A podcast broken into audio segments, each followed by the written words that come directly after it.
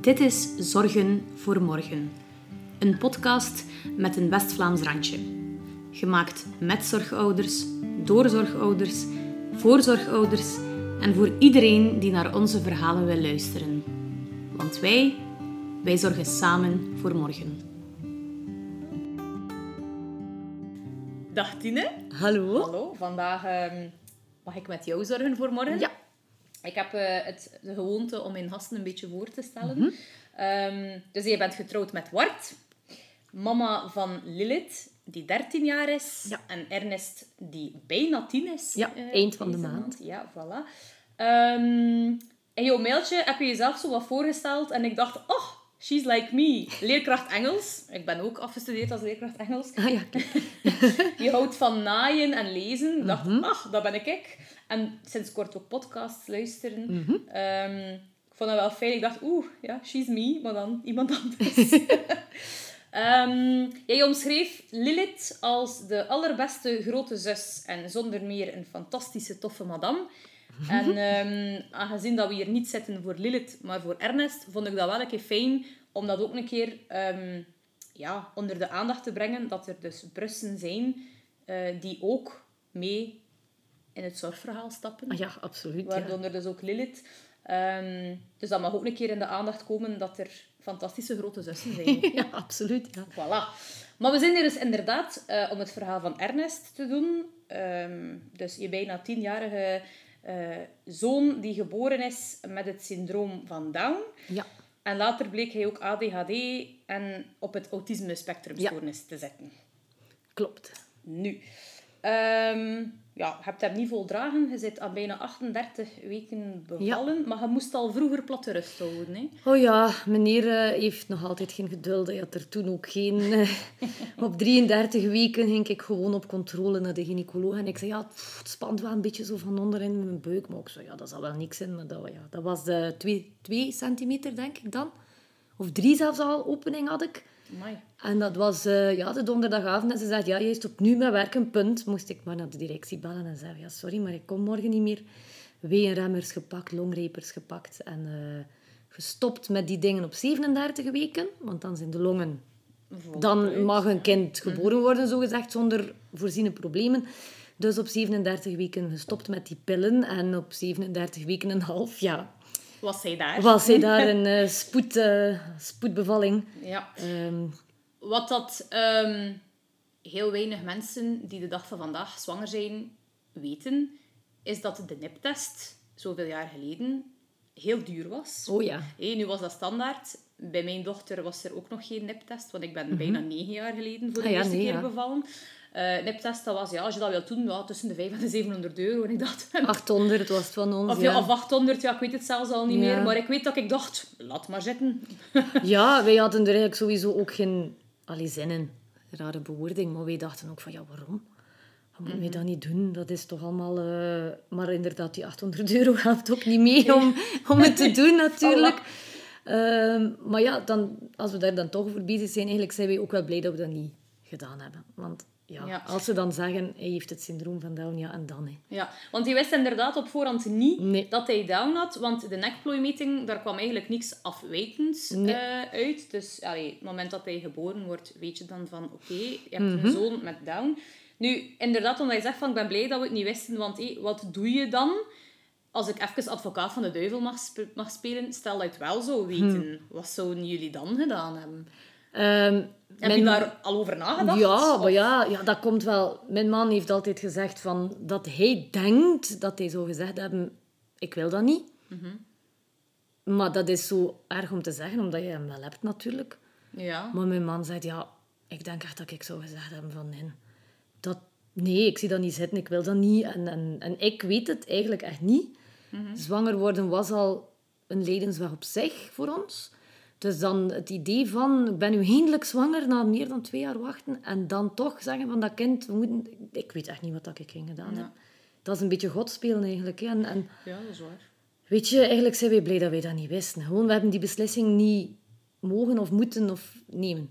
Ja, die beslissing is gewoon voor jullie gemaakt. Hij was er, hè. En- ja, oké, ja, god, ja, dat, heeft een hoop, dat, dat is niet altijd gemakkelijk. Maar ja, hij is er. Dus die beslissing hebben wij niet genomen. Dus ik ben blij. Ja, eerlijk waar. Ja, nee, maar ik snap dat ergens wel. Want ik als persoon vind dat heel gemakkelijk om te zeggen, zeker nu dat ik ook een zorgenkind heb, van moest ik weten, uit die neptest komt er iets afwijkends. Ik weet van mezelf, ik zou zeggen, ik wil het dat kind niet aandoen. Maar natuurlijk, like dat je zelf daarnet zei voordat we begonnen, onze zorgen zijn ook helemaal anders Ja, natuurlijk. het is dat. Dus ik weet het natuurlijk ook niet. Plus, ik vind dat er in deze ook geen fout of juist antwoord is. Nee, Ehm, ik neem dat ook niemand kwalijk die, die als een neptest aantoont van er is daar syndroom van Down dat, dat ik die dan zegt, ja, ik ga dat kind niet houden. Ik, ja, oké, ja, dat, dat heeft...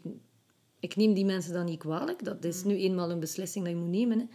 Dat, ja, god. Dat Je weet het niet, hè. je hart dat je, Als we een glazen bol zouden hebben, zou alles zoveel gemakkelijker zijn. Maar dat hebben we niet. Dus, dus ja, je beslist met de informatie dat je hebt. En ja, Ja. kijk, dat daar. Ja. Nu, kort na zijn geboorte heeft hij een open hartoperatie nodig gehad. Ehm, daarnet vertelde je me ook dat dat eigenlijk de enige medische zorgen Mhm. zijn allee, dat, dat jullie hadden dan eh, met Ernest. Maar is dat dan iets dat gevolg is van zijn syndroom van Down? Of was dat ook gewoon iets ja, dat er gewoon extra bij kwam? Nee, nee, nee. ehm, het syndroom van Down, ja, ik, ja, dat zijn allemaal dingen dat ik niet wist. Hè. Ze zeiden, we hebben een zwaar vermoeden van het syndroom van Down. En het enige dat ik dacht te weten, was zo die oogjes. Die zo'n beetje... De uiterlijke kenmerken Dat uiterlijk, was alles. ja. Ik wist helemaal niks van... Allee, jawel, dat die mentaal dan ging beperkt zijn. Maar daar stopte dat voor mij. Maar blijkbaar hebben... Oh man, die percentages, ik weet het niet. Ik denk ongeveer de helft van de kinderen die met syndroom van Down geboren worden, hebben een gaatje in hun hart. Dus in, in het midden, Mhm. met een eh, eh, tussenschot van het hart. Ongeveer de helft heeft dat. En dat kan gaan van een heel mini gaatje, waar dat ze eigenlijk nooit iets aan doen, tot volledig weg. En bij Ernest was het dus volledig weg. Hij had geen rechts of links. Hij had gewoon een hart. Dus Oh. de, de klep, dus de, tussen boven en onder, die was er wel. Maar dat was dan ook één grote klep, aangezien dat daar geen tussenschot tussen zat.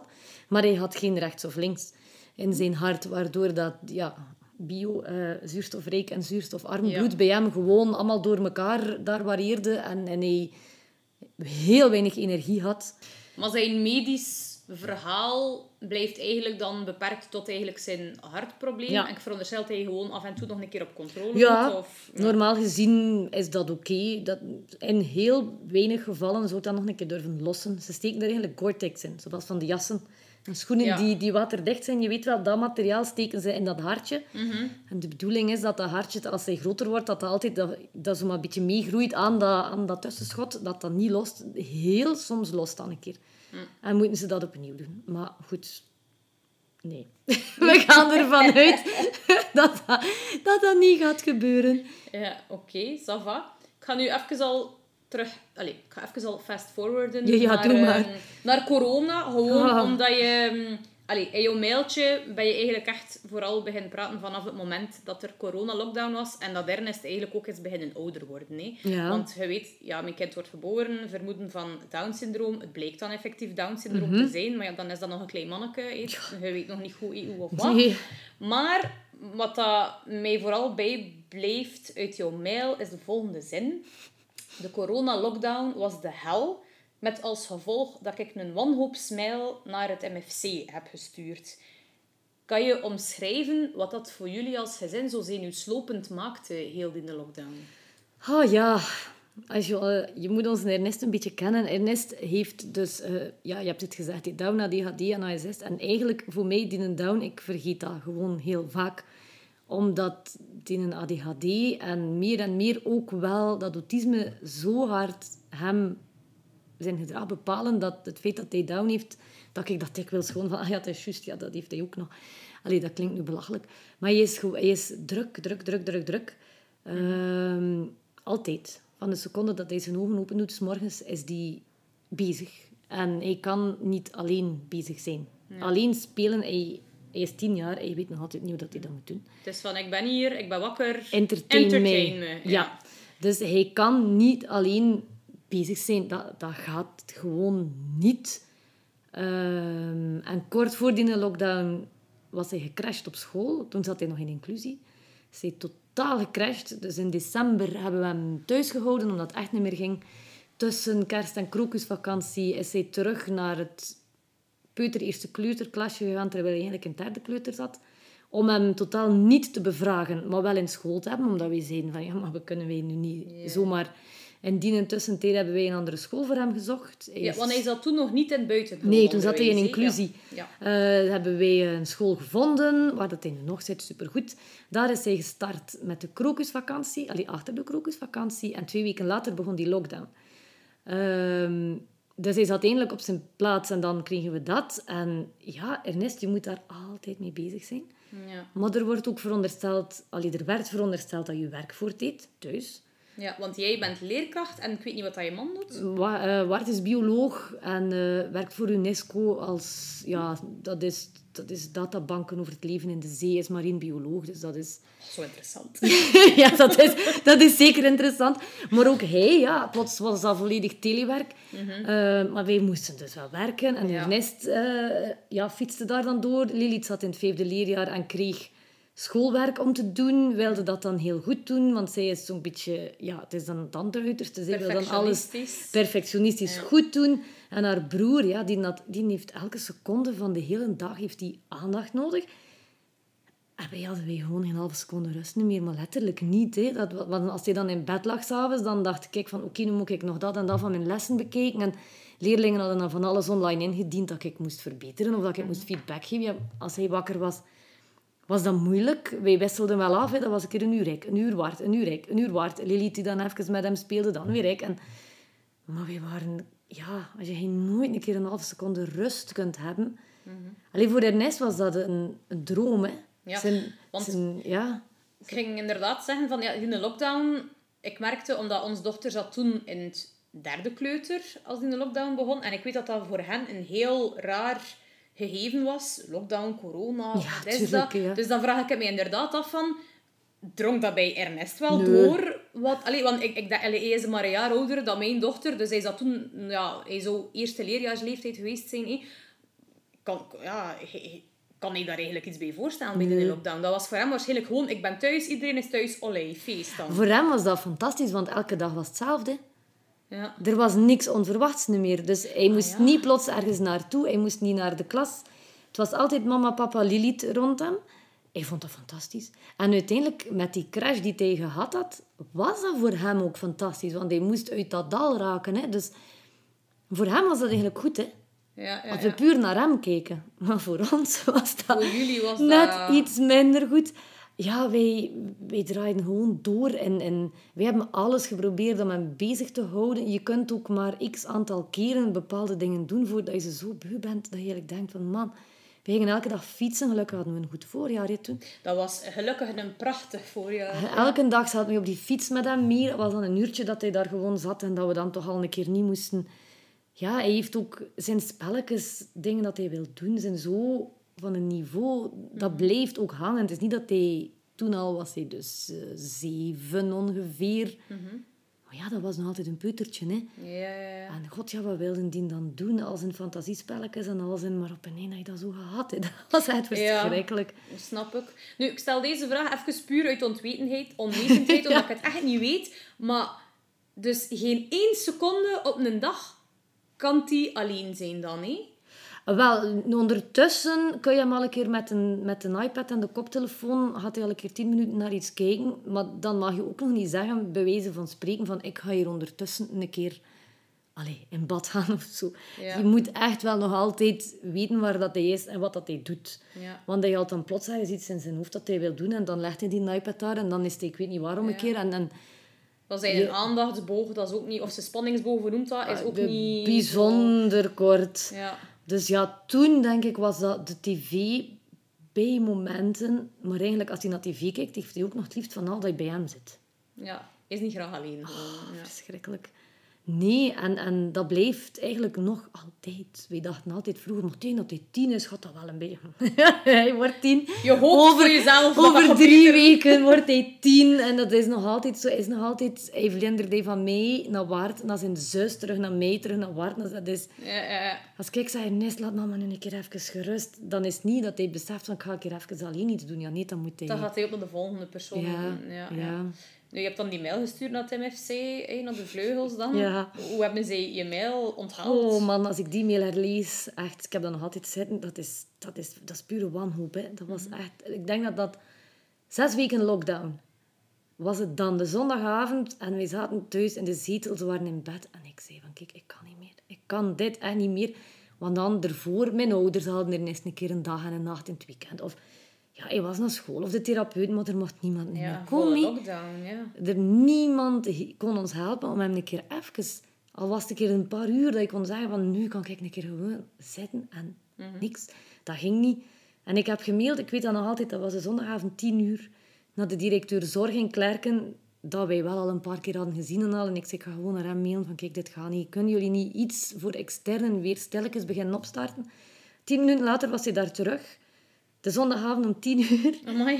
was die daar van, ja, kijk, morgen hebben wij weer overleg. Ja, ze zaten heel vaak natuurlijk in overleg in die Ah, ja, instellingen. ja, wat moeten wij doen? En eh, Dus we nemen jullie vraag mee en je gaat zeker morgen iets horen. Dus ja, ik dacht van, ja goed, ze willen het er tenminste al over hebben. Dat is al geen nee. je, Ja, hebt al, is dat. je hebt al hoop.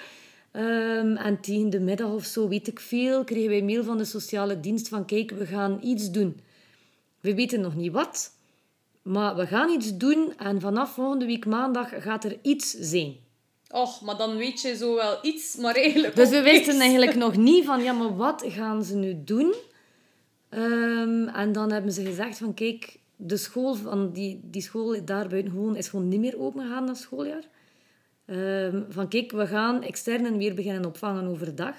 En we konden kiezen, ofwel was het in school, in de gebouwen van school, ofwel was het in de gebouwen van de instelling. Maar de keuze gemaakt is gemaakt. Dus het was Het niet in van... bubbels dan Het waarschijnlijk. was in bubbels, ja. hè.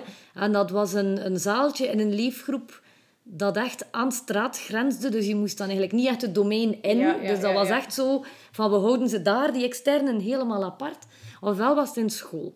En dan hadden wij het geluk dat wij daar de logopediste heel goed kenden. En dat we tegen haar zeiden, ja, we moeten hier nu die keuze maken. Oh, ze pakt instelling, want ze zijn de speelplaats aan het aanleggen op school. Dus hij gaat daar nooit buiten kunnen. En hij is lief voor buiten. Ja, ja, Dus gelukkig dat wij dat wisten. Dus dat... dat- was van, hop, we gaan de instelling doen. Dus vanaf, ik denk dat dat...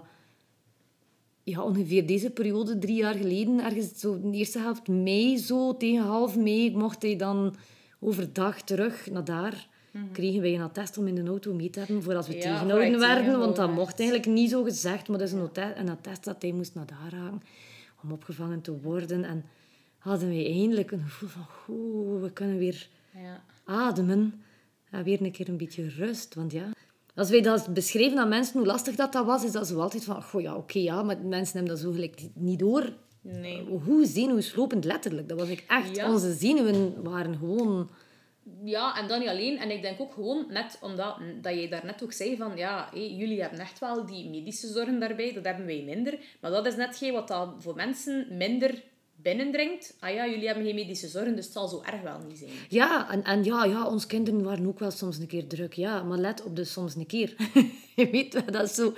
Alle kinderen zijn natuurlijk soms een keer druk, dat weten wij ook.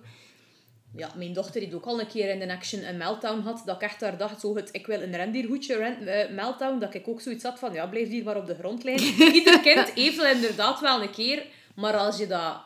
Als je gewoon 24 op 24 op actief moet staan, snap ik wel dat dat niet... Ah ja, dat, wij staan altijd... Wij zeggen dikwijls zo, wij staan altijd aan. Ja, maar dat is... Wij kunnen nooit een keer uit Ja, als en hij je hersenen slaapt. moeten soms een keer uit. Ja, en dat lukte dus niet meer. Dat was de Ja, grote... En als hij slaapt, waren hij bezig met de dingen die je niet kon doen als hij wakker was. Ah Dus- ja, tuurlijk. Maar dat is nog altijd een beetje zo. Maar dat is natuurlijk veel minder, omdat hij nu weer gewoon naar school gaat en zo. Maar, Ja, ja, tuurlijk. ehm, als hij wakker is, dan kun je eigenlijk bijna niks doen.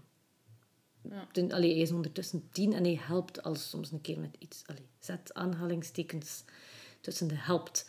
Maar bepaalde Ja. dingen komt hij al een keer af van, ah, ik ga helpen. En soms kun je al een keer zeggen van, allee, is dat is goed, dat mag je nu doen. En dan lukt dat ook binnen Zijn bepaalde mogelijkheden. Ja, dus voilà. het verandert wel een beetje. Maar toen, ja, toen was dat ook. En hij was ook net gecrashed daarvoor. Dus hij zat ook nog lager in niveau dan dat hij al gezeten had. Ja. Waardoor dat wij echt weer met een peuter... Eigenlijk was dat op dat moment een peuter van zeven jaar. Hè. Mhm. Dus dat... Ja, dat was een heel vreemde... Een vreemde beleving. Ja, ja, ja, dat was echt heel vreemd. En ja, ik heb het ook allemaal herbeleefd, omdat ik nu wist van... Ik ga dat daar allemaal een beetje vertellen. En ik dacht, maar jongen, wat we eigenlijk allemaal... Ja, meegemaakt. Het is zo echt, ja. Ja. Nu, je hebt dan eigenlijk een jaar later, hé, in, rond juni 21, heb je dan ook effectief hé, het stempeltje en het ja. labeltje hé, van ASS en ADHD gekregen. Ja. En je zei tegen mij ook van, hé, ehm, je heeft eigenlijk een atypische vorm van ASS, wat dat niet echt atypisch is, omdat ASS een heel groot ja. spectrum is. Maar je is eigenlijk inderdaad wel blijkbaar heel erg sociaal. Ja. Maar dan denk ik van, dat is misschien een beetje het deel van zijn down. Want de meeste mensen dat ik tegenkom die down hebben, die zijn... Wat ik ook. Ik vind dat zo raar, een rare naam voor een aandoening trouwens. Even, of zeg ik down? er is niks down aan die mensen. Nee, maar hou wat. Ehm, hé, dus hij is heel erg sociaal. Maar je gaf zelf aan van de combinatie van de ADHD en de ASS zijn een zeer explosieve cocktail. En toen dat ik dat in je mailtje las, dacht ik... Ik wil graag meer weten over wat je bedoelt met explosieve cocktail. Ja, het is eigenlijk de drie. Hè. Hij heeft down, dus hij is dan mentaal beperkt. Dus ik, ja, mensen, soms vraagt er dus iemand, ja, hoe oud zou het eigenlijk zijn mentaal? Ik heb geen idee. Wij testen dat. Wij hebben dat ene keer gedaan, omdat wij een attest moesten hebben voor, vraag me echt niet meer wat. Voor het zorgtoeslag waarschijnlijk. Of ja, ergens voor iets hebben wij dan, was dat het COS of was dat de REVA? Ik weet het niet meer. Zo zijn mentale leeftijd laten bepalen. Ik- COS zal het zijn. ik, ik vind dat... echt- ik had daar eigenlijk geen zin in. hoe, dat, hoe oud dat hij nu is tien. Geen idee. Is hij... Soms zeggen ze, je moet een helft pakken. Ik denk dat hij op sommige vlakken misschien vijf is, maar het is ook het ene vlak bij het ander. Ja. Op schoolse vaardigheden veel minder. Op sociale vaardigheden waarschijnlijk een beetje meer. Ehm, maar als ik zeg dat is een explosieve, explosieve cocktail, ja, hoe moet ik dat uitleggen? Hij heeft dus zijn mentale beperking, dus hij is veel jonger in zijn hoofd dan dat hij eigenlijk kalendermatig gezien is. Die ADHD maakt dan dat hij helemaal echt heel weinig focus heeft op, op dingen die hij eigenlijk zou moeten doen. En, en ook gewoon, ja, die hyperactivity, dat is, dat is nu eenmaal zo. Die kan eigenlijk bijna niet stilzitten, dat is letterlijk. En dan de ASS, bij hem, hij is dus heel sociaal, maar het is meer zo die nood aan altijd hetzelfde liefst. En goed vooraf weten wat dat er gaat gebeuren.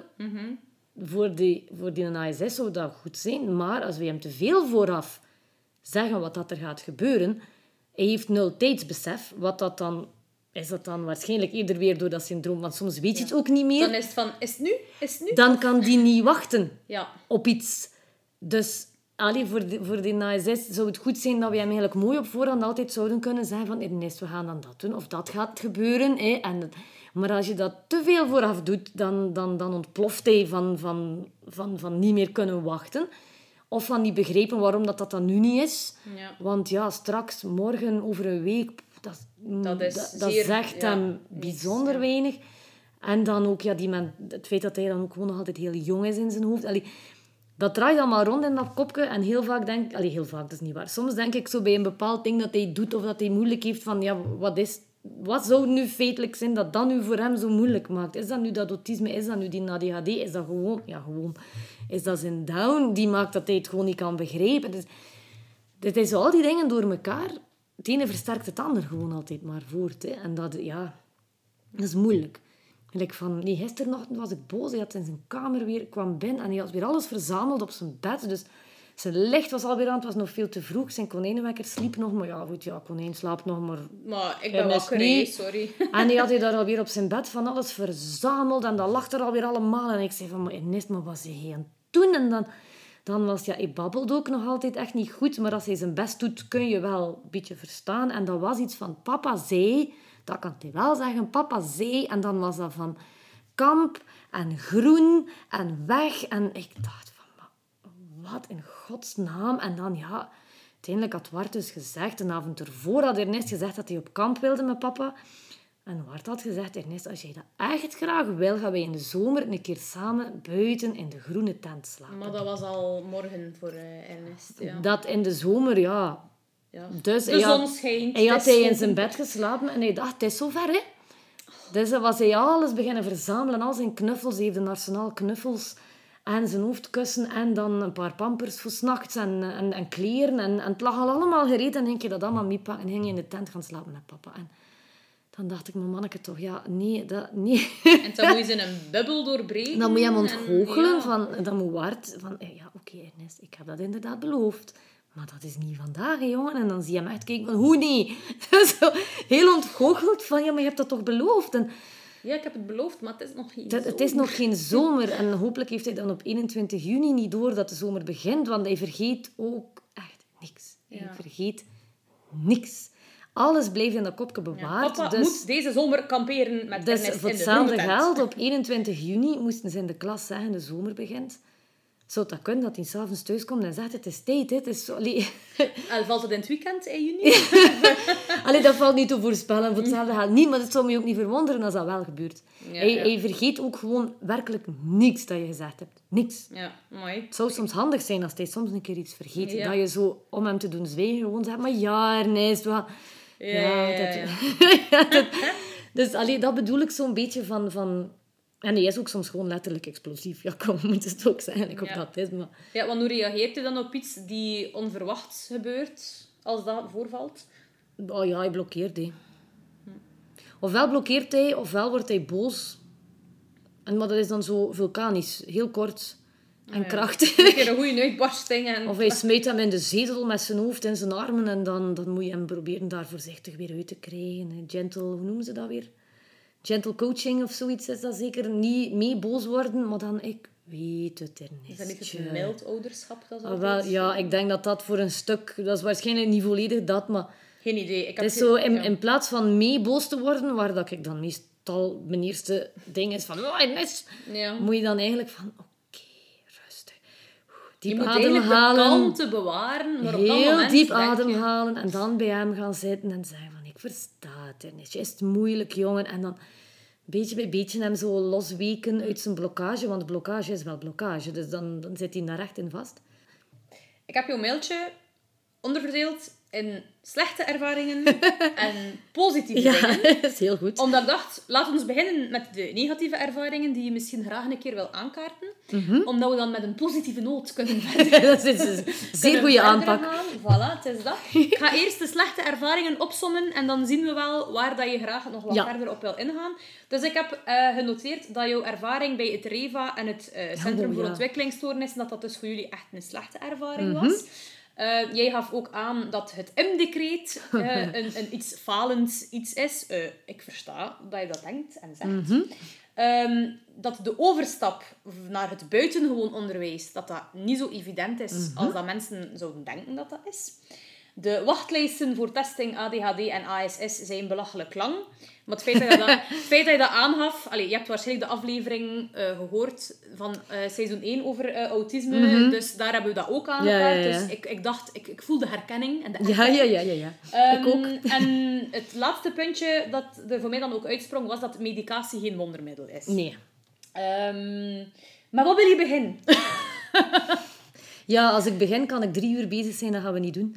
Ehm, ja, die wachtlijsten, dat is... Ja, mensen weten dat. Dat is ook allemaal... Dat is goed dat dat gezegd wordt, Ja, maar... Dat je meer dan een jaar moet wachten om getest te worden, dat is er gewoon over, punt. Wij hadden geluk ehm, dat wij al in, in zo'n zorgcentrum in Roeselare al als gezin al binnen waren, waardoor dat hij eigenlijk, en dat is, dat is eigenlijk erg, hè, maar hij is gewoon voorgestoken. Omdat, Omdat ze daar, aan een, ze, ze, ze werken daar, zeggen, zeiden ze op dat moment, we wisten dat ook niet. Ik vroeg, doen jullie dat hier? Ja, ja. En ze zei, wij werken hier eigenlijk met een gezinsaanpak. Dus jullie zijn hier eigenlijk al met jullie gezin, dus Ernest steekt voor. En ik dacht, zo twee dingen tegelijk. Hè. Dat was Ja. van, yay! En dan ook, oei, maar dan, al, dat is zo erg. Ja, voor jezelf ben je blij, maar Voor al die anderen, je... eigenlijk, het is zo erg dat je dan anderen eigenlijk nog langer op Moet die lijst ja. laat staan. Maar we hebben het dan eerlijk gezegd ook wel niet geweigerd. Want ja, kijk, als dat zo kan, dan kan dat. Maar dat, dat, dat voelt heel dubbel. Dat is heel dubbel, maar op dat moment moet je inderdaad Ja, ja. egoïstisch zijn. en ja. van Dat hebben we ook wel een beetje geleerd. Maar weet je, ja, ja voor overstap naar buiten gewoon, ja, dat is gewoon omdat die scholen, je hebt er veel minder dan gewoon onderwijs. Dus je moet al kiezen tussen scholen die sowieso niet, zoals de dorpsschool, achter je hoek liggen. Ja, en je dan kunt heb niet je te voet naar school. je hebt het vervoerprobleem, je hebt maar recht op de bus als je de dichtste school kiest. Dat is zo'n regel waarvan dat ik ook Ja. denk van... Leg me die regel Er is echt uit. geen vrije schoolkeuze op zo'n manier. Want, want, want ja, wat moet je dan doen? Dus uiteindelijk, wij zitten niet in de dichtste school. Wij hebben vier vrijwilligers die met Ja, ons ho, rijden. Wacht, wacht. Dus, jullie wonen in het Roeselaars. Ja. Jullie hebben dus een school en MFC in Klerken. In Klerken. Jullie hebben geen recht op busvervoer, Nee. omdat je niet de dichtstbijzijnde Ah ja, nee. school hebt gekozen. Dat is zo. Je moet, als je busvervoer wil in buitengewoon, moet je de dichtste school kiezen. Dus dat is de dichtste school van elk net. Dus dat zijn er dan drie. Hè. Je hebt dan het katholieke net, het, het, het vrije, het gemeenschapsonderwijs. Ja. En dan is er ook nog het provinciaal onderwijs. Dus in ons, in onze ding kwam dat dus uit op twee scholen in Roetselare van het gemeenschaps- en van het katholiek. En dan één in Deerlijk, die provinciaal is. Ja. Maar waar dat er geen MFC aan verbonden is, dat waarschijnlijk. Wel? in Deerlijk weet ik het zelfs niet zeker. Want we hebben daar nooit... Dat was sowieso allee, out of the question dat wij naar Deerlijk gingen gaan. Eh, die in Roeselare... Ja, want Deerlijk, dat is nog minder dicht bij de deur. Ja, dan. die in Roeselare... eh, pff, Er was er wel zo naschoolse opvang en zo. Maar niet zo volledige MFC-werking naar, naar slapen en zo, denk Ja, want ik dat is niet. wat dat jullie nodig hadden ook, hè? Wel ja, toen nog niet. Ja, toen nog, Nee. ja, toen nog niet. Ja. Nee, maar ja, hij had al mobiele begeleiding vanuit Klerken. Dus dat hield in dat logo en ergo dat zij kwamen naar ons in plaats van wij naar hen. Ah ja, extern was dat al geregeld vanuit Klerken. Dat was al vanuit Klerken. Ja, dus dat lijkt een stap logisch. een logo en ergo die hem eh door hadden, die hem aankonden. Want Ernest, als hij iemand nieuws krijgt, dan gaat hij altijd eerst eh, x aantal tijd nodig hebben om te testen hoe ver dat hij kan gaan en om vooral niet te doen wat dat hij moet. dus dat waren er die hem al kenden. Dus op zich wilden wij graag naar Klerken. Die school hebben we dan, want dat was vanuit het MFC. We hebben dan die school eh, bezocht en zo. En wij dachten ook van, ja, echt, hier, hier willen wij hem hebben. Maar dat is dus 30 minuten rijden van bij ons. Eh, nu hadden wij de dichtste school gekozen, om maar te kaderen voor mensen die het niet weten. eh, dat is 10 minuten rijden van bij ons. Maar hadden we dat gedaan en gezegd, oké, joepie, busvervoer, dan zou hij elke ochtend om kwart over zeven worden opgehaald om om negen uur te beginnen in de klas. Hoor goed, een uur en drie kwart. En s'avonds idem. Dus dan, dan denk je ook, ja, why? Allee, waarom zou ik dat doen? Ehm, en dan hebben wij uiteindelijk de knoop doorgehaakt en gezegd, kijk, een half uur of niet, het wordt klerken. En dan hebben wij een Facebook-oproep gedaan ehm, van Ernest gaat naar een heel verre school. Allee, heel ver. Op een half uur rijden. Wij zoeken mensen die bereid zijn om soms een keer met Ernest de rit op en af naar Klerken te doen. En dan voorzie je natuurlijk kilometervergoeding en vrijwilligervergoeding en verzekeringen. Dat gaat dan via zo'n vrijwilligersorganisatie die dat allemaal regelt. Ehm, en wij hebben het gigantische geluk dat wij vier mensen hebben die elk twee keer, dus een ochtend en een avond, rijden. En de resterende twee doen we zelf, doen mijn papa soms een keer. Ehm, en ja, die, dat is een WhatsApp-groepje. Als, ze- als ze een keer, ze hebben elk een vast moment. Dus als ze een keer niet kunnen, omdat ze, ja, weet ik veel wat, dan zetten ze dat in die WhatsApp-groep. Heel vaak tegen dat ik dat eigenlijk zie, is er al een ander die zegt, oh, ik pak dat wel over. Dus het loopt ongelooflijk goed. Het is oké. Dat, ja. dat lukt. Maar evident is dat weer allemaal niet. Nee. Er komt weer een hoop bij kijken. Ja, maar bedankt aan die vrijwilligers, denk ik dan. Oh ja, maar Allee, dat die mensen dat willen doen. Maar echt, ja, dat Ja. is zalig. En dat, zijn eigenlijk, dat is al een hele geruime tijd dat dat de vierzelfde mensen zijn. Dus dat is ook tof. Dat, allee, zij kennen Ernest, Ernest kent hen. Ehm, ja, ja, het zal wel zijn. Op het moment dat... Ja, zij gaan een keer zeggen van... Kijk, we zouden eigenlijk willen stoppen. Ja, maar ja. Dan, dat, ja, tuurlijk, het is logisch ook. Maar dan gaan wij op zoek eh, ja, naar andere mensen die dat ook zien zitten. Maar goed, ja, voor het moment zijn wij hen. Maar echt immens dankbaar. Ja, ik kan me dat echt eh, Dus ja, goed. voorstellen. Maar ik denk eigenlijk dat, dat hetgeen dat ik vooral... Allee, ik ging één ding uitkiezen, sorry, Fee. Nee, nee, nee, nee, nee. Ik zei gewoon, met wat wil je beginnen? Die, ik vind vooral zo die medicatie. Ja. Ehm, en ik was daar zelf ook schuldig aan, vroeger. ja. Een kind heeft ADHD. En dan denk je... Maar er, zijn, Relatine. er zijn toch pilletjes? Ja, voilà. Voilà. Ehm, ja, er zijn pilletjes. En wij hebben dat ook geprobeerd. We waren daar zo... Ja, ik denk dat geen ouder dat graag doet.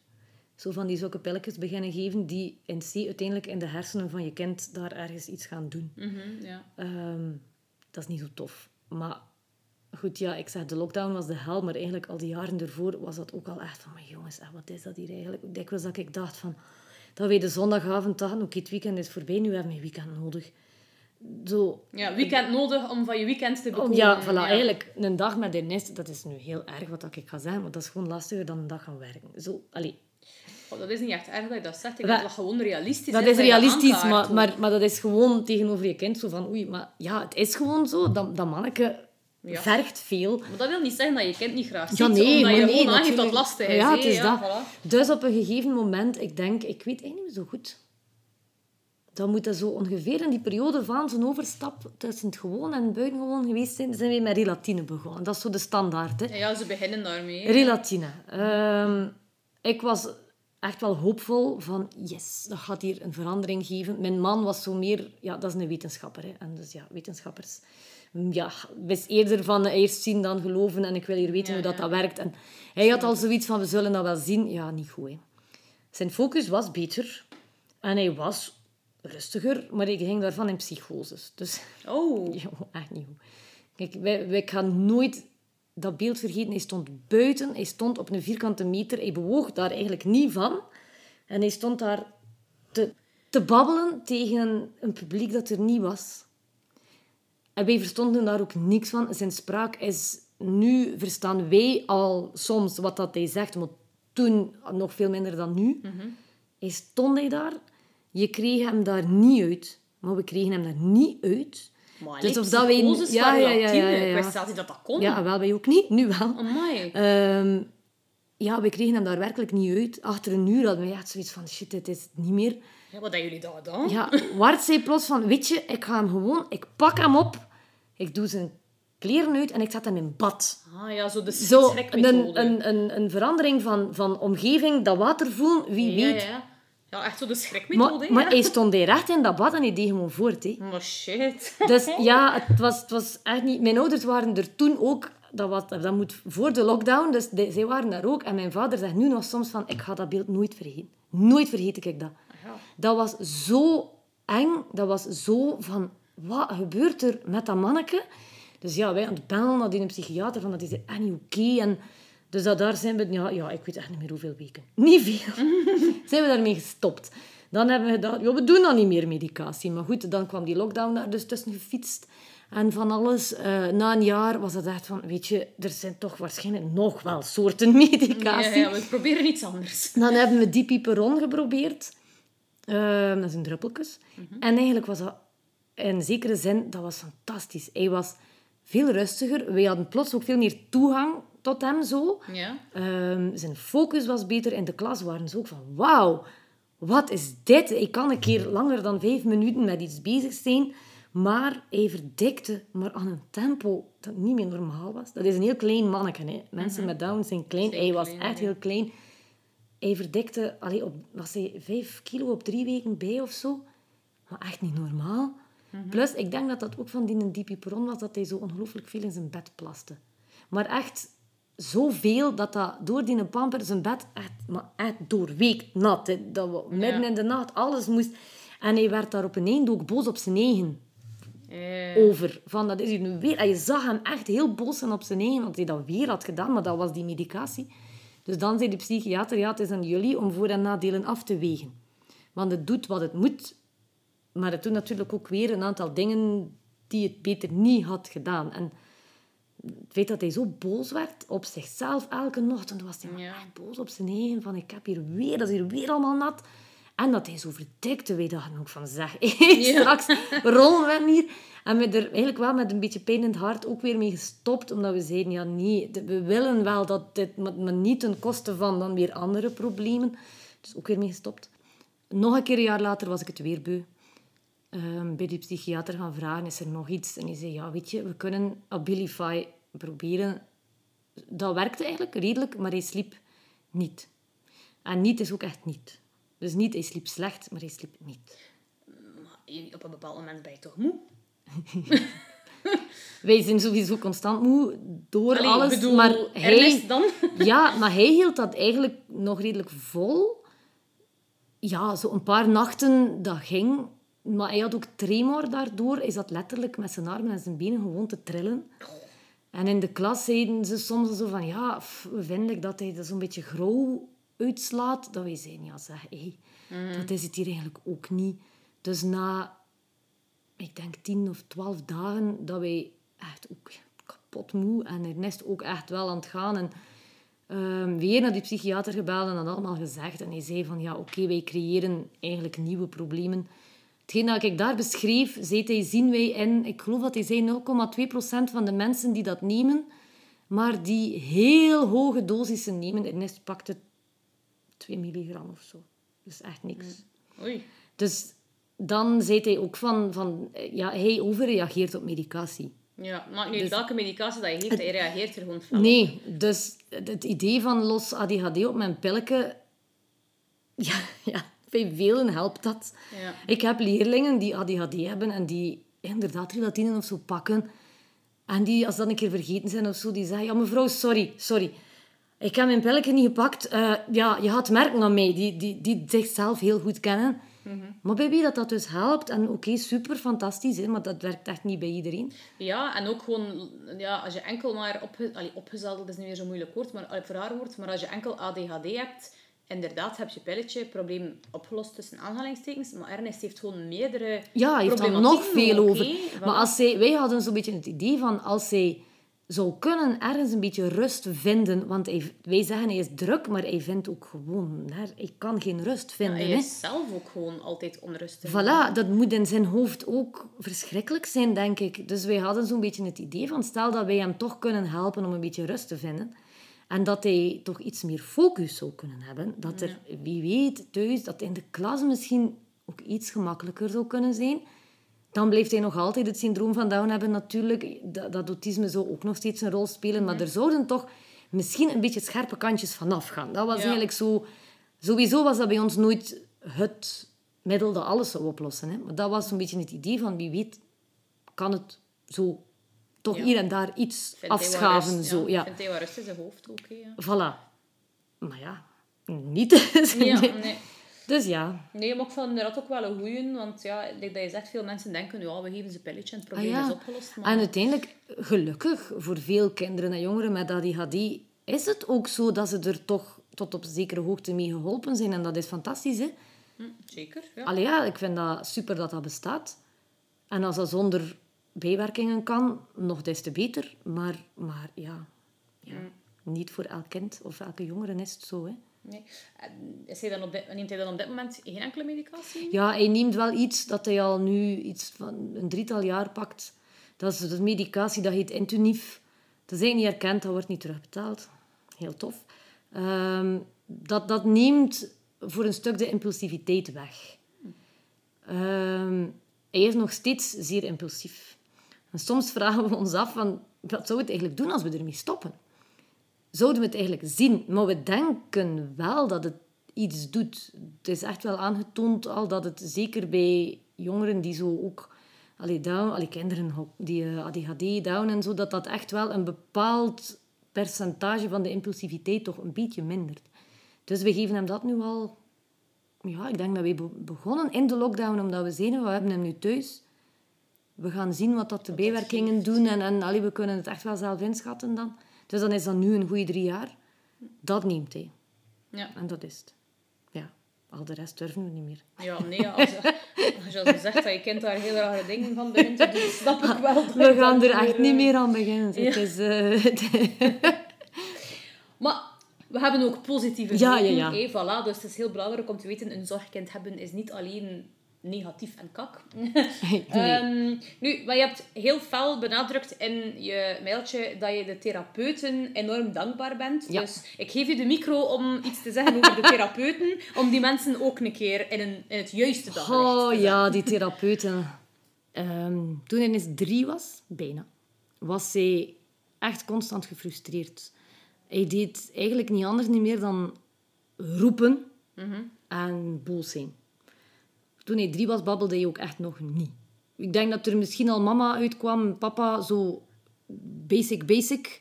Maar voor de rest, niks. Ehm, en de thuisbegeleiding kwam, die we toen nog hadden. En ja, ik zei, ja, hij is altijd maar zo boos en zo frustreerd en hij roept en hij is, ja... En zij zei, ja, volgens mij heeft hij echt communicatiedrang. En hij kan niet babbelen. Dus Ja. hij kan niet veel meer doen dan, dan wijzen naar wat dat hij eventueel wil. Maar heel veel dingen zijn ook abstract. Kun je niet zomaar wijzen naar ik wil dit of dat. Ja, En ze zei, ja, hé, eh, je zou misschien toch een keer moeten beginnen met eh, SMOG, die, die gebaren spreekt met ondersteuning van gebaren. We hadden daar al van gehoord. We hadden zelf een oudercursus gevolgd toen hij een jaar en een half ongeveer was, denk ik. Amai, dat is al vroeg. Maar dan. dat was eigenlijk te vroeg. Ja. Achteraf bekeken wij deden dat. Hè. Je denkt, we gaan alles doen dat we kunnen. Maar eigenlijk... Ja, het onderscheid te kan halen. Natuurlijk, maar eigenlijk was dat een beetje te vroeg. Want hij had daar toen... Ik denk dat hij daar toen het gebaar voor nog uit had opgepikt. Want nog is zo de eerste die hij kon. Dat is altijd als hij dronk en hij wilde nog. Als Ja. wij, nog is zoiets iets dat hij leuk Ja. vindt. Nog, dat was een heel meer, belangrijke natuurlijk. Maar voor de rest had hij daar heel weinig uitgehaald. Wij waren natuurlijk zelf ook alweer een deel vergeten. En zo zijn wij dan eigenlijk bij die mobiele begeleiding uitgekomen vanuit Klerken. Zij zei van ja, je kunt ehm smog, je kunt hem dat aanleren via de REVA. Maar er bestaat iets nieuws, dat was toen net opgestart. Mobiele begeleiding. En dan komen ze eigenlijk bij jou. In plaats dat jij naar daar moet. Ik dacht, oh, interessant. Dat is het. Dus ik heb gebeld naar Klerken, waar dat ze eerst zeiden dat we eigenlijk een beetje te ver woonden daarvoor, maar dat ze dan toch gedaan hebben. Dus die logopediste is bij ons begonnen, eh, ook ongeveer deze periode, begin mei, toen dat hij drie was. En echt, wij hebben dat kind zien veranderen. Maar niet normaal.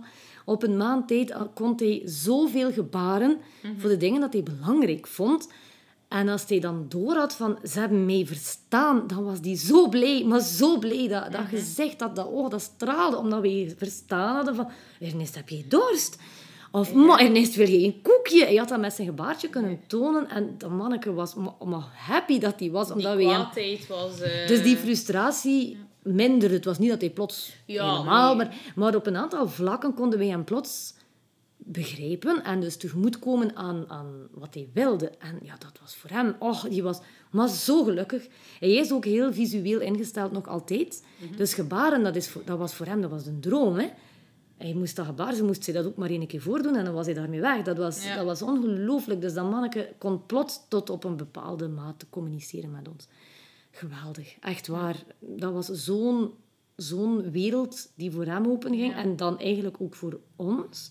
Want die, zijn taalbegrip is echt wel immens goed. Mensen onderschatten dat, omdat hij zelf niet goed babbelt. Maar ja, het is niet omdat je zelf niet kan babbelen dat je niet begrijpt. Tuurlijk, heel veel mensen denken dus dat Ernest het ook niet begrijpt. Maar Ernest begrijpt zoveel. En dat was toen eigenlijk ook al. Maar dan nog, als wij dan ook met Smog communiceerden en zeiden van Ernest, kijk naar mama. Dus dan pakte je eerst al zijn blik Mhm. en dan zei je iets met het gebaar erbij. Dan Ja. voelden wij ook wel van, zijn, zijn aandacht is er ook gewoon meer. Omdat je Ja. eerst al zijn, naar hem zegt van, kijk naar mij. Je vraagt zijn aandacht eerst. Zijn, zijn aandacht kwam dan eerst en dan met dat gebaar erbij. En dat was voor hem precies ook een soort van houvast van, ah ja, maar dat ken ik. Mhm, ja. Dus dat was eigenlijk wel heel goed. Dus die logopedisten heeft ons op dat vlak lang dan nog eh, geholpen. Zij zijn dan ook in de klas beginnen meegaan. Dan mochten zij uit die mobiele begeleiding ook doen. Waardoor dat, dat dan voor de juffen ook ja, ook een een... heel grote hulp was. Ja, zo. En dan de kine heeft hem leren lopen, grotendeels uiteindelijk. Hè. Trappen doen, zoiets, een trap doen. Ja, wat dat inderdaad voor ons allemaal zo vanzelfsprekend lijkt, maar voor die gastjes... Zij dat, heeft eigenlijk eh, het meeste geduld met hem moeten hebben. Zij heeft hem gehad als hij een jaar en een half was en ze zegt nog altijd, een half jaar heeft het geduurd eer dat hij luisterde wat dat hij moest doen. Bedankt voor al jullie geduld. maar ja, maar dat echt waar. Het, ja, iedereen, hè. Engelen geduld hebben die. Ja, mensen. zeker. Nu dat al aangehaald, hè, dat jullie communiceren met smog. Ja. Maar wat ik dan heel mooi daaraan vind, is dat jullie zoiets hebben van oké, ons kind kan niet communiceren, eh, we doen het via smog. Maar weet je wat? Waarom gaan we niet gewoon dat opentrekken naar iedereen die smog wil leren? Dus wat zeg je? We gaan wij iets oprichten genaamd www.smoggemee.be. Ik ben daar gisteren, ehm gisteren in de research en verder ben ik daar een keer ook naartoe gesurfd. En ik dacht, Lilith zit daar in al die filmpjes te tonen. Hoe je dat moet doen? Ik denk, wat voor een coole zus is dat? Ja, een heel coole zus, hè. Ja. De Hoe zijn jullie erbij gekomen om Smog je mee op te richten? Ah, ja, dat is ook weer zoiets. Hè. Je kon online niks vinden. Bestond gewoon niet. Ja, heb ik ook al zitten zoeken in der tijd. Ja. Nee. Ehm, de, de theorie was, als je smog wil kunnen, dan moet je een smogcursus volgen. En of je laten bijstaan door een smog geattesteerde logopediste, zoals wij dus onze logopedisten vanuit Klerken hadden, die jullie de smogtaal gaat aanleren. En oké, ja, dat is goed. Ik ben nog altijd van principe, onze website alleen is op zich misschien wel niet volg inderdaad een cursus. Laat je bijstaan. Maar onze, wij zien onze website als een soort van ondersteuning naar wat was dat gebaar ook alweer? Oh, ik weet het niet meer. Dus als wij een gebaar niet meer wisten, Ja. dan moesten we eigenlijk wachten totdat de logopediste terugkwam. Om te vragen. Van, ja, ja, drie ja. dagen geleden hadden we daar eigenlijk een gebaartje nodig en we wisten het niet meer. Maar dat is zo ergerlijk. Ja, ja, ja, Maar je wil op dat moment gewoon met hem kunnen communiceren. En niet drie dagen later, want dan heb je het meestal op dat moment ook gewoon niet meer nodig. Dus dat was zo van, allee, hoe... Dus wij, naïef. Oh, we gaan online kijken. Niks. Ja. Was er niet. En eigenlijk is dat vooral wel de verdienste van mijn man geweest, die dan nog wel graag een projectje heeft om hem op te smeten. en die zo'n beetje is beginnen uitzoeken van, ja, goh, wat zouden wij kunnen doen? En in Nederland bestaat er zo'n website, ehm, daar heet dat Nederlands met gebaren. Elk land heeft zijn eigen smogversie. Ja, wat ging net zeggen, dat is een beetje gelijk gebarentaal. Want de gebarentaal, ja. de Vlaamse is al anders dan Ja. de algemeen Nederlandse. Dus ja, Ja, dat is ook anders. Dus het Ne- Nederlands met gebaren is anders, is ook veel uitgebreider dan de smogtaal. En daar is er dus ook een gezin dat, dat dat doet. Een zus die gewoon, ik denk in het begin, elke dag een ander gebaartje op YouTube smeet. Want Wart had eerst in zijn hoofd van hij ging een app maken en hij ging, ik weet het niet veel, wat allemaal doen. En dan was er, ik weet echt niet meer wie, die tegen hem zei, maar eigenlijk kan het ook veel gemakkelijker. Kijk een keer, hoe heet hun website? Ik weet het niet meer. Ook een zus. En wij dachten, maar eigenlijk, maar hoe tof is dit? Ja. Van Lilith, Lilith was toen acht. acht. Wij toonden dat, hè, van... En Lilith, ja, wat zou je denken als jij filmpjes zou maken, dat wij dat op het internet zwieren? Oh ja, oké, mama, ik vind dat leuk. Maar het is ook leuk dat ze erbij betrokken Ja, wordt. Ja. En ondertussen kenden wij onze logopediste echt wel al goed. Zij woonde ook op een kilometer van ons, dus dat was mooi meegenomen. En Lilith kende haar ook al, omdat zij ook bij ons thuis kwam en zo. Dat dan met haar beginnen overleggen, dat is nog een hele lange verhaal achter, want eigenlijk mocht dat zo gezegd niet dat je gebaren op het internet zetten, maar dat is voer voor een heel andere aflevering. Ehm, kort verhaal is dat we het uiteindelijk toch gewoon gedaan hebben. En dat wij begonnen zijn met filmen. Zo van, we gaan wel zien wanneer dat we dat dan een keer online zwieren. We wilden ook niet een, website online zetten met tien gebaren. Allee, we wilden ja. al een, een behoorlijke lijst aanbod hebben. Een collega van Wart heeft die website voor ons zo een beetje opgezet. En dan plots dacht ik, vijf jaar geleden, ik zei, weet je, over een week wordt Ernest vijf. Ja, zou dat niet cool zijn als we dat op zijn vijfde verjaardag zouden kunnen doen? Ja. Oh shit, want we hebben een week. Oh, die website was nog zo nog niet helemaal gereed. Al die gebaren daarop. Het was echt wel even eh, vlug, maar dat is dus wel gelukt. En op de ochtend van zijn vijfde verjaardag hebben wij Smogje mee online gegooid. Hebben we daar immens veel reacties op gekregen, maar echt niet normaal. Zoveel mensen die zeiden, eindelijk is het er. Ehm, en het doel was om veel te blijven filmen en altijd maar verder te doen. Dat is natuurlijk wel weer door corona is dat stilgevallen. Ja, want ja. de logopediste komt dus bij ons thuis. ehm, leert Lilith zo 15 tot 20 gebaren per sessie aan. En als ze ze dan onder de knie heeft, dan filmen we. En dan, dan, ja, dan kijkt Wart of die filmpjes oké zijn. Hij stuurt ze naar de logopediedienst van een klerken, waar de, al de logopedisten samen kijken naar de filmpjes om te zien of het gebaar wel juist wordt uitgevoerd. En die die juist zijn, zetten we dan online. Dus er is ook wel een beetje werk aan. Ehm, door corona natuurlijk. Ja, weer niet. En nu doen we... Kijk, volgende week zouden we normaal gezien nog een keer filmen. Ja, allee, dan komen er nieuwtjes. Dan eh, komen er weer nieuwtjes. online. Ja, dus... eh, Ehm, ja, je hebt eigenlijk zelf al mooi de overgang naar Lilith gemaakt. Ah, ja, ja, ja. Want allee, dat is toch iets wat ik mij als mama van een dochter, die ook oudere zus is van een zorgbroer...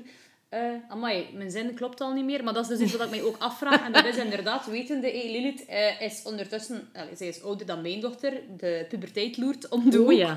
Dus hoe gaat zijn zus dan om met het feit dat er een explosieve broer in huis rondloopt Hm. die eigenlijk alle aandacht opeist? Ja, dat is moeilijk, hè. Zij, zij weet natuurlijk van die Pieter in die zin dat haar broer gewoon van de seconde dat hij er was, ja, had hij iets, hè. Ehm, bij de geboorte was dat vooral dat hartje. Ja, mama, zij was toen drieënhalf of zo. Van zijn hartje is kapot, mama. De dokter gaat dat maken. Ja, voor een kind is alles... Ja, geweldig. alles is vermaakbaar. Geweldig simpel. De dokter gaat dat maken. En Ja, dan was dat hartje gemaakt. En dan was voor haar het verhaal ook voorbij. Zij is daarin heel hard meegegroeid natuurlijk. Ehm, nu is zij ja, ze wordt 14 dit jaar. De puberteit is inderdaad loert om de hoek. Ze doet soms een beetje miserie met zichzelf. En dan loopt daar dan inderdaad zo'n broer rond die haar ook constant opeist. Als hij thuis is, dan wil hij dat ze met hem speelt. Dat ze van alles met hem bezig is. En zij wil dat natuurlijk niet altijd. Wat dat Ze wil soms haar privacy ook waarschijnlijk. Tuurlijk, en hoe ja. ouder dat zij wordt, hoe meer dat zij ook wel soms een keer denkt van Ernest, maar laat mij nu gewoon gerust. Dus dat is echt wel niet zo simpel. Ehm, vlak voor de lockdown is zij naar een psycholoog beginnen gaan, want dat daar ongelooflijk veel deugd doet. Iemand die niet wij is, want zij onbewust of bewust of allebei beschermt ons ergens ook wel een beetje en gaat ook niet altijd komen zeggen hoe lastig dat ze het vindt of wat dat daar tegensteekt aan haar broer. Ehm, dat doet daar heel veel deugd, maar lost ook niet, niet echt iets op, natuurlijk. Hè. Ja, dat is... Zij ziet hem... Ik zeg vaak, ze ziet hem doodgraag, maar ze ziet hem ook soms graag een keer niet. Dat vat het zo een beetje samen. Hij ziet haar... Als hij bijvoorbeeld pijn heeft, moet hij zijn zus hebben. En niet wij. Oh. Ah ja, Lili. Ja, de thee komt er niet uit van achter. En dan is het zus die moet komen om hem te troosten. Zus verstaat hem eigenlijk het best van allemaal. Dat is echt waar. Soms denk ik, Lilith, wat zegt hij nu eigenlijk? En dan kijkt ze zo naar mij van, "Maar mama, serieus? Met zo'n blik van... Dan, dan vertaalt ze hem zo van, van ah wel ja, van, ah ja, ja, ja, oké, dank u Lilith. Dus zij, Ja. zij verstaat hem op een bepaald niveau waar dat wij precies geen toegang tot hebben. Ehm, als zij samen spelen, ja, dat is, dat is goddelijk. Hè. Ja, hartverwarmend om ze bezig Oh, te zien. die band, dan, ja. dat, is, dat is ongelooflijk. Maar tegelijk moeten wij ook heel vaak zeggen, Ernest, nu ga je niet naar Lilith. Je laat haar gerust. Ze heeft de sleutel van haar kamerdeur en soms moet ik echt zeggen, Lilith, doe Sluit dat. Sluit ja. nu. En ja, dan weet hij van, oké, nu gaat het niet meer. Ja, dat is echt lastig voor haar ook wel. Zo Mhm. de... Allee, als er iemand bij ons komt, is dat altijd... Ah, hoe is het met Ernest? Dat, dat is begrijpelijk, hè. Ja, tuurlijk. Maar hoe is het ook met Lilith? Dat ook, wordt ja. Niet gevraagd, hè. Ehm, vanaf dit seizoen, allee, of dit seizoen stel ik, ik heb het waarschijnlijk gezien op Instagram, geef ik mensen de kans Ja. Mhm. om ook vragen te stellen als ze het willen weten. Er zijn mensen die vragen hebben. Oh, allee, ik vroeg ja. het mee af. Ja, nee, Spannend. er zijn vragen. Ehm, ik weet nu eigenlijk niet in hoeverre dat je ze al al doorheen het gesprek zelf beantwoord hebt. Maar eh, de eerste vraag is, tegen welke vooroordelen rond Ernest loop je het meeste aan? Oeh. Eh, eigenlijk weinig op zich. Wel zo dat idee dat mensen denken van hij verstaat ons toch niet. Omdat hij niet babbelt. Omdat hij zelf niet babbelt. En dat ze dan dikwijls verschieten omdat hij dan reageert op wat dan ze gezegd hebben. dat ik denk van ja, ja, hij verstaat je wel. Ja. Ehm, Dat is een beetje hetzelfde eigenlijk dat ze zeggen, nou ja, doof stom, hé. je zit doof, dus je begrijpt ook niks. Dat is ook zo'n vooroordeel. Dat is, dat is inderdaad zo'n beetje vergelijkbaar. Maar zo, ik denk, allee, ik, dat klinkt nu misschien onnozel, maar het, het voordeel is misschien dat je aan hem ook gewoon ziet, doordat hij down heeft, dat hij een beperking heeft. Dat hij ADHD en ASS heeft, dat staat dat niet. Maar mensen verwachten daardoor van hem, denk ik, ook Minder. minder Ja. tussen aanhalingstekens normaal gedrag, dan dat ze dat waarschijnlijk wel, denk als je kind autisme heeft, dat dan totaal natuurlijk niet zichtbaar is, dat er waarschijnlijk vaker is dat mensen verwachten dat ze zich gedragen zoals de grootte en de leeftijd zo gezegd voorschreven. ja. Ernest, ja, het staat natuurlijk letterlijk op zijn gezichtje dat hij beperkt is. En ik denk dat daardoor veel mensen al gewoon hun verwachtingen al anders hebben en dat de vooroordelen daardoor ook minder zijn. We hebben eigenlijk, gelukkig durf ik wel zeggen, nog niet vaak gehad dat ik dacht van, zeg, hé mensen, kom, eh, dit is nu niet oké. Of, of, ja, nee, gelukkig eigenlijk. ja, gelukkig. Ja. ja. Nee, maar eenmaal je zegt van ja, iets wat op zijn gezicht geschreven, maar ik heb dan zijn foto's ook gezien gisteren en ik dacht, oh, die is zo cute. Oh ja. Die kan het toch wel keihard uitmelden Oh dat ja. hij schattig is. Ik kan iets, maar dat is dan ook wel een feit. Ik kan immens, allee, ja, lastig zijn, ik ga het maar zeggen hoe dat is. Ja, ja. Maar hij draait iedereen rond zijn Die heeft zo'n huidig koppetje, dat zo, ik weet like ja. niet, die straalt iets uit. Dat ik denk, oh, ik ga naar je, je wang En hij is ook wel heel sociaal. Dus, dus hij gaat bijvoorbeeld naar speelpleinwerking voor kindjes met een beperking. Maar die wordt daar op handen gedragen. Mhm. Ja, door die monies. ja. Dat is, ja... Ik, weet- dat, hij heeft een bepaalde charmefactor die... Ja, Ja, ik, zeg, ik zit al op foto. Allee, ik ben nog niet eens bezig, maar op foto dacht ik echt van, ach, ik ga je opeten. Je ziet zo, zo schattig. hij is, ja, hij is extreem cute. Ja, en als die- je dan... ja. Ja, ja, ja, ik weet het, ja. Dat is ook zo, ja. Lilith is trouwens ook een heel mooi meisje trouwens. Dat was ik dacht van, oh, die is als een mooi haar dat hij heeft. Ik dacht, Oh, ja. ja. ik dacht, oh, dat is echt ook een heel... Allee, heb mooie kinderen. Dank u wel. Ik vind dat nu zelf ook, maar... Terzijde, Dus ja. ja. Maar ja, dat is bias, hè, van je eigen kinderen. Tuurlijk, een beetje Maar- bevooroordeeld Dus, maar bij wel. deze, hè, dat, is- dat is een... Sorry, ik was even aan het afwijken. Je moet op Ehm, nee, maar ik vind het persoonlijk wel fijn om te horen... Goh, ja, wij hebben geen vooroordelen waar dat we tegenaan lopen. Ik vind het dan ook wel een keer tof om te horen dat dat, Weinig. dat niet zoveel voorkomt. Nee. Allee, het moet ook niet. Gelukkig. Ehm, wat is voor jullie de grootste beperking vanuit het rugzakje van Ernest? Dat hij niet praat, of niet duidelijk praat. Daar moet ik echt niet over denken. Ja, dat, is, dat, hebben, dat, dat zeggen we ook gewoon vaak tegen elkaar. Dat is, dat is van al wat dat hij eigenlijk heeft, moest hij verstaanbaar kunnen praten. Dat zou zoveel gemakkelijker maken. Dat, is, dat is zo erg voor hem, want meer en meer hebben wij de indruk dat het in zijn hoofd eigenlijk wel juist klinkt. Ja, En dat het er gewoon niet uitkomt. zoals dat moet. Want heel soms herhalen we hem een keer terug naar hem. Mhm. En dan zie je hem echt kijken van... "Maar- maar wat zei je? Allee, dan beseft hij, denk ik, van...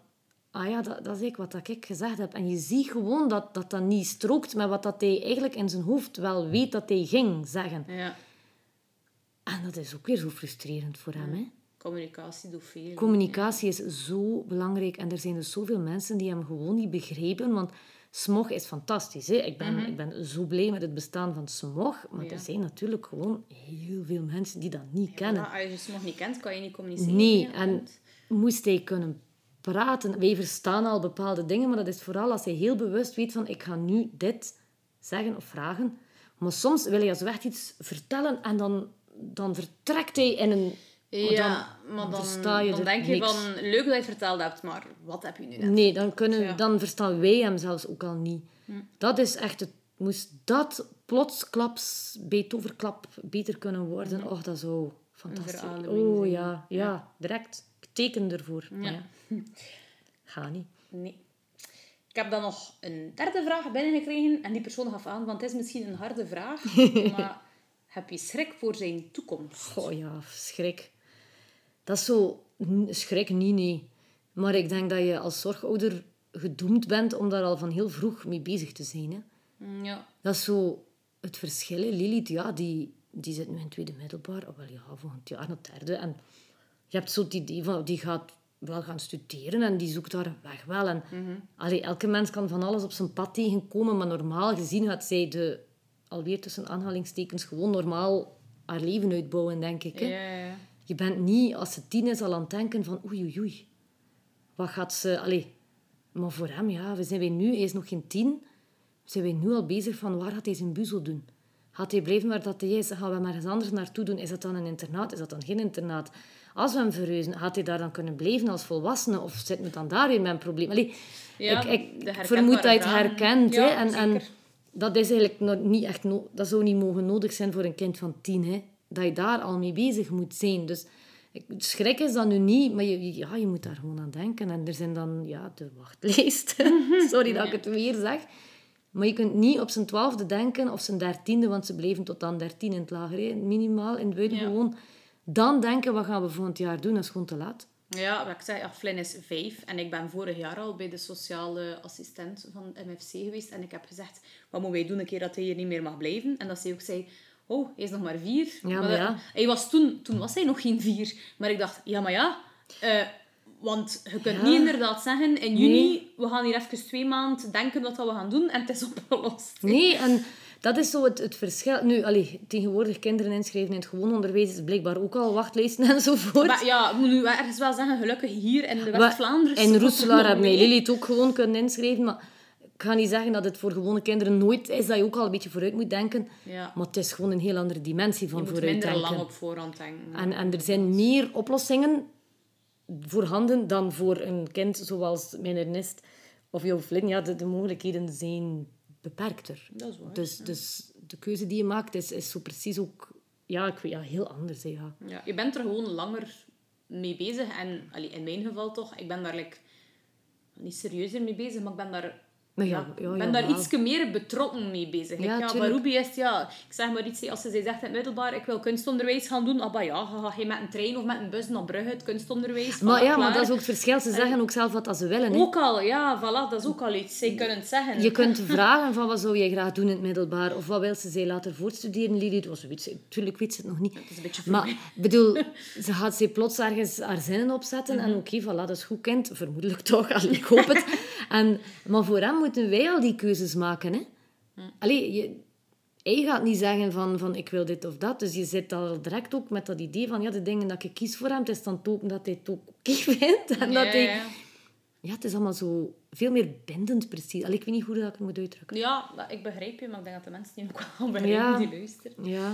Ehm, voordat ik mijn laatste zin, eh, mijn laatste vraag stel, is er iets wat dat je, dat, dat je nog wou gezegd hebben dat misschien niet aan bod gekomen is? Dat je zegt van, dat wou ik eigenlijk wel nog gezegd hebben, maar je hebt er niet naar gevraagd. Oh, oh ja, weet je, je kunt bezig blijven. Hè. Ehm, ik denk zo, ja, het belang... maar ik- denk dat iemand dat in jouw vorige afleveringen ook wel ergens genoemd heeft van, van hulp durven vragen, maar ik weet begot niet meer. Ja, dat is eh, bij een van mijn vragen dat ik toen, Ja, toen was wa- ja. vraag, wat is je, je tip of raad voor, voor Ja, eh, hè. zorgouders die zijn van inderdaad, durf hulp te vragen. Durf zeggen dat dat moeilijk is en Ja. dat je hulp nodig hebt, ik vind dat zo'n vrij belangrijke. Hè. Ja, Ernest slaapt nu soms in het MFC in het weekend. We hebben er ook lang over gedaan.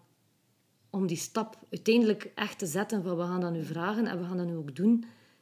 Maar als het nodig is, is het nodig. En, en... Want heeft je gezin en de aandacht voor je dochter, dat je dan extra kan maken, wel, het heeft je wel geholpen, Ja, denk ik. dat, en dat is het. Hè. Dat is zo, je beslist dan niet zo tussen de soep en de pataten van... eh, zeg, hey, Wart, wat denk je? Gaan we een eerste keer zo en op de MFC doen in het weekend? Oh ja, is goed. Allee, Ja, nee, dat is wel over dat is- beslissing. dat- hè. dat, dat voelt in het begin, denk je, dat je faalt. Dat is totaal niet falen. En zo, dat, dat heeft zijn tijd nodig. Maar ik vind dat wel heel belangrijk dat je dat, dat je dat op een gegeven moment dan durft zeggen van het gaat echt niet meer zoals we het nu doen. Dus dan moet je Mhm. iets doen. Zo, weet wel. En dat is... Ik denk dat dat iets is dat veel ouders ook... Allee, mensen die dan ge- geen zorgouder zijn, dan ook misschien raar vinden. Van, allee, wat is dat nu? Je kind wegdoen in het weekend. Als het zo niet weten, hè, hoe dat het allemaal Ja, zit. ja, ja, dan ben je heel, allee, ik persoonlijk ben daarop in de defense om te zeggen van, ja, probeer jij een keer een hele week met Nou een ja, wel, zorgkind, ja. eh, ja. Wat dat maar een keer ja, mee. Wat dan natuurlijk niet wegneemt dat allee, allee, ouder zijn van een kind dat geen zorg heeft, is zeker ook pittig. hè. Dat, Maar dat tuurlijk. we zeker niet, het eh, nee, het is dat, het- dat, dat is het ook. Maar het is gewoon anders pittig, denk ik. Voilà, ja, en dat. dat is zoiets dat, dat, dat voor mij is dat een, een, echt zo'n een, ja, een les geweest. Oh, alsof dat maar zo dat, dat aanvaarden van het is ook niet omdat je dat doet, die hulpvragen, dat dat betekent dat je ergens iets fout aan het doen zit. Of zo. Dat, ja, dat nee, heeft wel even een tijd geduurd. Dat ik dat ook voor mezelf zo kon in, een, in een hokje zetten van het is oké. Het is niet... Nee, maar dat klopt. Het is zo wel iets, hè, ja. Ja. Dus ik heb je dan inderdaad nog een berichtje gestuurd, omdat ik dus mijn vraag anders, allee, mijn podcast anders afrond. Ehm, heb je het opgeschreven? Nee, ik heb een, eh, een printscreen gemaakt. Ah. Want inderdaad, ik eindig eh, iedere aflevering met dezelfde vraag. En dit seizoen is dat met welke zin of welke quote kan je je leven op dit moment het best samenvatten? Dat was wel... Ik denk dat het de moeilijkste vraag van heel de podcast is. Ja, maar ik vond dat persoonlijk like, wel nog een leuke vraag, omdat Ja, dat ook ja. veel kan zeggen. Dat is zo. Ik heb gisteravond... Ik zat in de naailes als je dat stuurde. Ik zei, ah, ik zei, ook ik hier. Maar dat is niet erg. Ehm, en ik herinnerde me iets dat ik zien passeren had. Ik heb dan echt nog gezocht gisteravond. Ik moet dat hier vinden. En dat is van een auteur. Ken je dat boek? Maar ik weet de, de volgorde van... De jongen, de vos, Ah. de mol en het paard. Ja, Staat eh, Boy, The Mole, The Fox Ah ja, Engels. Horse. Ja, ja, ja, ik, ja ik, wil de, ik wil de originele versie. Ja, wel, wij hebben hem cadeau gekregen, dus hij is in Nederlands.